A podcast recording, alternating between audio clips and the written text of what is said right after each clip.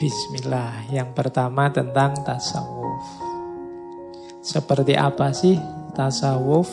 Seperti apa sih sufi dan bagaimana sih jiwa seorang sufi itu? Ini teori-teori yang saya ambil malam hari ini banyak dari kumpulan risalah beliau. Risalah Al-Junaidiyah. Jadi ada satu torekot Junaidiyah yang salah satu torekot Mu'tabaroh di Indonesia juga berkembang di beberapa daerah. Kalau itu sudah torekot biasanya sudah institusi ada mode-mode asketiknya sendiri. Cuma malam hari ini kita tidak masuk ke torikotnya, kita ambil petuah-petuah ajaran-ajaran beliau. Yang pertama, tasawuf. Tasawuf adalah itu kalimatnya Imam Junaid. Allah menjauhkanmu atau mematikanmu dari dirimu sendiri dan menghidupkanmu di dalamnya. Jadi kita hidup Seorang sufi itu berarti hidupnya adalah menepikan dirinya dan menghidupkan Allahnya. Seandainya kamu bayangkan dalam dirimu itu ada dua tombol, yang satu kalau diklik terus lagunya nyanyiannya lagu lagu dunia, yang satu kalau diklik yang lagunya lagu ilahi ketuhanan. Sufi itu yang diklik yang ketuhanan. Jadi hidupnya hidup ala ilahi, tidak ala manusiawi. Apa kayak gitu manusiawi Pak? Kan tadi disebut tidak ala manusiawi, ala ilahi. Lupa normalnya manusia itu kan ya hidup di dunia dengan gaya dunia, dengan mode dunia, tidak apa-apa kamu hidup di dunia dengan mode dunia, tapi orientasinya ilahi. Apa pun yang kamu lakukan, apa pun yang kamu kerjakan, ya memang medianya media duniawi, perangkatnya perangkat duniawi, modalnya duniawi, tapi arah tujuan targetnya harus ilahi. Ngaji ini kan duniawi, kamu butuh baju, kamu butuh kendaraan, kamu butuh kopi, kamu butuh gelas, kamu butuh laptop, kita butuh LCD. Ini kan duniawi semua.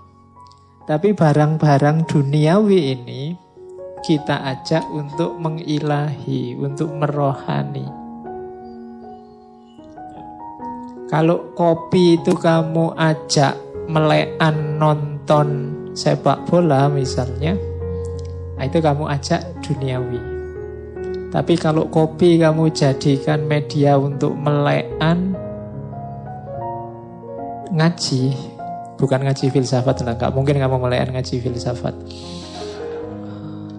Ya. Jadi kalau melekan ngaji Quran misalnya kamu ajak dia merohani, mengilahi. Kalau motormu kamu ajak jalan-jalan ke mall, ya dia sedang menduniawi.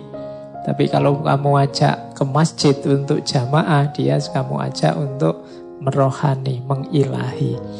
Nah, hidupnya seorang sufi itu seluruh aspeknya dibawa untuk hidup di dalamnya. Itulah yang disebut mengilahi. Kalau kalian nanti belajar mengolah rohanimu mengilahi, jiwamu akan tertempa. Diilustrasikan di kalimat yang kedua ini. Jadi tasawuf itu menempa jiwa. Katanya Imam Junaid, kita tidak menjalankan tasawuf dengan banyak bicara saja. Kila wakola, al-kil wal kol. Kita kan seneng belajar tasawuf. Kadang-kadang kita mimpi ingin jadi tas sufi, terus punya karomah apa, terus bisa menaklukkan orang, bisa menyembuhkan orang, macam-macam cita-citamu. Tapi kebanyakan hanya kila wakola. Kita hanya wacana. Kalau pas ngaji kayak gini bayangan, uh sufi aku ini. Pokoknya ya ngono. Cuma ya pas gini aja wacana. Begitu nanti pulang ya balik kaya asale. Tadinya apa ya besok apa kembali lagi begitu. Itu namanya kila wakola. Hanya ngomong saja. Sudah bolak-balik ngaji tema sufi ya jiwamu ndak nyufi-nyufi. Keseharianmu juga ndak berubah. Maka katanya Imam Junaid kita tidak menjalankan tasawuf dengan banyak bicara saja. Makanya beliau agak tidak cocok dengan sufi yang agak bulat, agak rumit, agak dengan teori macam-macam, filosofi macam-macam. Tidak. Praktek saja sudah. Tapi kita melakukannya dengan lapar, maksudnya puasa. Meninggalkan seneng-seneng di dunia, kelezatan dunia. Dan melepaskan segala hal yang menyenangkan dan indah. Karena tasawuf adalah kemurnian hubungan dengan Allah yang dasarnya menghindari kesenangan dunia. Jadi sufi itu hidup di dalam Allah dan praktekkanlah, jangan cuma diteorikan. Itu tuntunan dari Imam Junaid. Kalau sukses, di situ nanti lahir Islam yang rahmatan lil alamin. Kaum sufi adalah seperti bumi. Semua kotoran dicampakkan kepadanya, namun tidak menumbuhkan kecuali segala tumbuhan yang baik bumi itu kan tempat sampah yang sejati. Kamu buang sampah ya ke bumi, melakukan yang jelek-jelek juga di bumi. Tapi bumi selalu memberikan yang baik-baik. Dia memberi tumbuhan yang baik-baik. Makanan kita sumbernya sebagian besar dari bumi. Jadi karakternya sufi yang pertama, meskipun banyak kotoran diberikan padanya, selalu yang baik-baik diberikan. Kalau ada orang mencaci maki kamu dan kamu balesnya juga caci maki, ya berarti kamu normal bukan sufi. Kalau sufi diberi yang jelek, yang diberi yang dikembalikan yang baik. Simbolnya bumi. Simbol bumi yang lain berarti apa? Diinjak orang soleh maupun orang munafik, dia tetap stabil. Sebagaimana mendung dia juga memayungi segala yang ada. Seperti air hujan, dia mengairi segala sesuatu. Jadi jiwanya sufi itu stabil. Diinjek orang soleh ya biasa, diinjek orang munafik juga ya biasa. Bumi itu kan tidak pilih-pilih. Kan tidak mungkin was orang munafik menginjak terus buminya tidak mau ah diinjak kan tidak. Ya tetap silahkan siapa yang butuh menginjak. Kayak mendung juga begitu. Mendung itu kan dia menaungi siapa pun. Kan dia tidak pilih-pilih.